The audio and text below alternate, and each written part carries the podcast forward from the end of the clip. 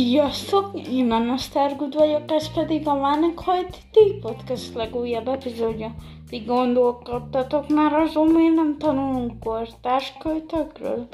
Mondjuk Varudani vagy őszintén meg kell, hogy mondjam, se az irodalomban, se a költészetben nem vagyok járatos, viszont még nekem is feltűnt, hogy az irodalomkönyvben nincs egy kortás költő nem sem felírva. Miért van ez? Nos, én értem, hogy a Radnóti nagyon szép verseket írt, meg én is szeretem. Nem mindegyik versét, de szeretem. De miért nem tanulhatunk, miért nem lehet tanulni kortás költőkről is. József Attila is szép verseket írt, nyilván. De egy csomó költő, aki megérdemelni, hogy benne legyen a tankönyvben, nincs benne. Ti ezen még sose gondolkodtatok? Nektek mi erről a véleményetek? Titeket nem zavar?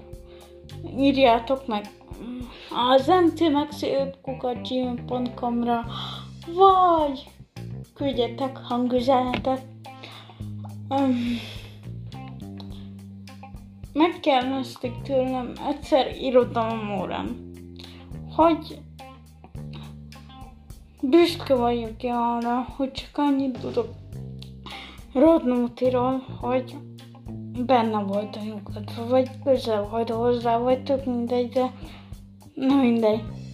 És és én azt mondtam, igen, mert ha valamit tudni akarok Razuntira, ott az internet, vagy ha bárkiről tudni akarok valamit, akkor ott az internet, a Wikipedia, vagy más ilyen oldalak.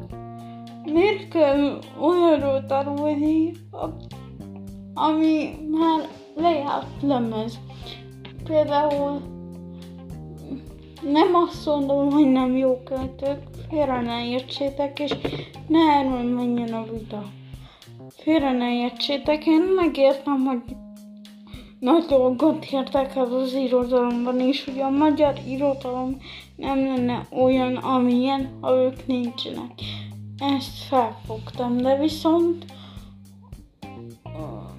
kortes költők közül is biztos vannak jók, és lehet, hogy én most nem tudok felsorolni egyet se, de attól még lehet, hogy tetszenének, hogy szeretnék verseget olvasni, ha például, mit tudom én, mutatnának egy olyan verset, ami például arról szól, hogyan ír levelet elektronikusan, vagy nem tudom, de itt vagyunk a 24. században, és még mindig 19. századi verseket olvasunk. Szerintetek ez nem gáz? Titeket nem zavar? A következő témánk, erről már volt szó egy másik epizódban, és ez is nagyon fontos, hogy egy olyan könyv sincs a a kötelező olvasmánylistán, amit nem a 90-es években írtak, vagy még korábban. Jó, ma már ott a Harry Potter, amit én nagyon szeretek, vagy a Készlokti, azt is nagyon bírtam, de ezeket elolvastam azelőtt, mielőtt kötelezővé tették volna. Én, én szeretek olvasni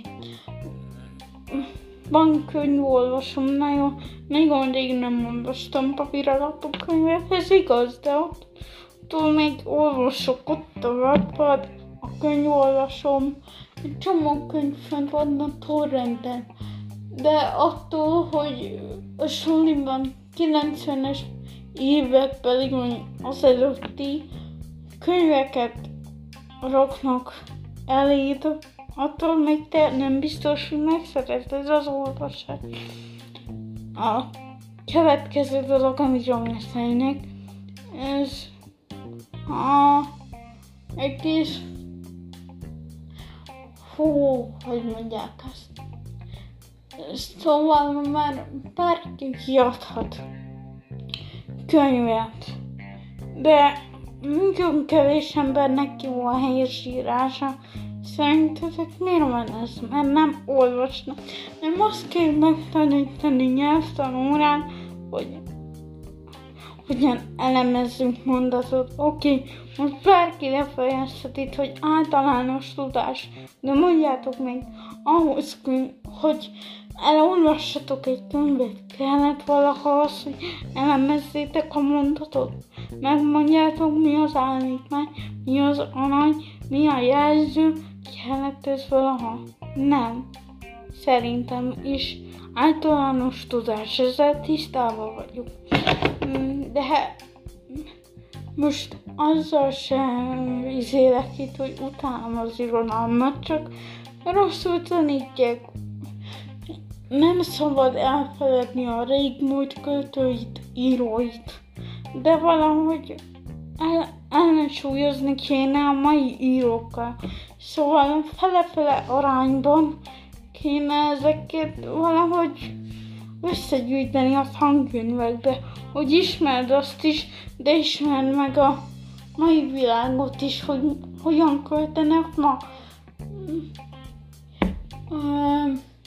Nos, összefoglalva, szeretem az irodalmat, gondolom ti is.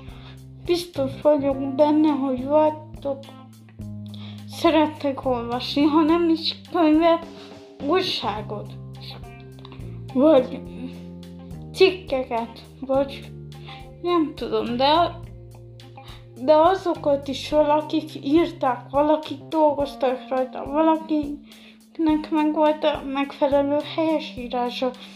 Szóval azt szeretném mondani, hogy olvassatok minél többet, ha valamire kíváncsiak vagytok, mondjuk Radnóti Miklossal kapcsolatban, akkor keressetek rá reggelit, Szóval um, szerintem ezt kéne megváltoztatni az irodalomban. Ti mit gondoltok erről? Küldjetek egy e-mailt a gondolataitokkal a mcmaxiot.gmail.com-ra vagy küldjetek hangüzenetet az epizód alatti link, az epizód leírásában megtalálható linken. Sziasztok! Én Anna Stargood voltam, te pedig a Van Equity Podcast legújabb és legbeszédesebb epizódját hallgattad. Viszlát a következőkben!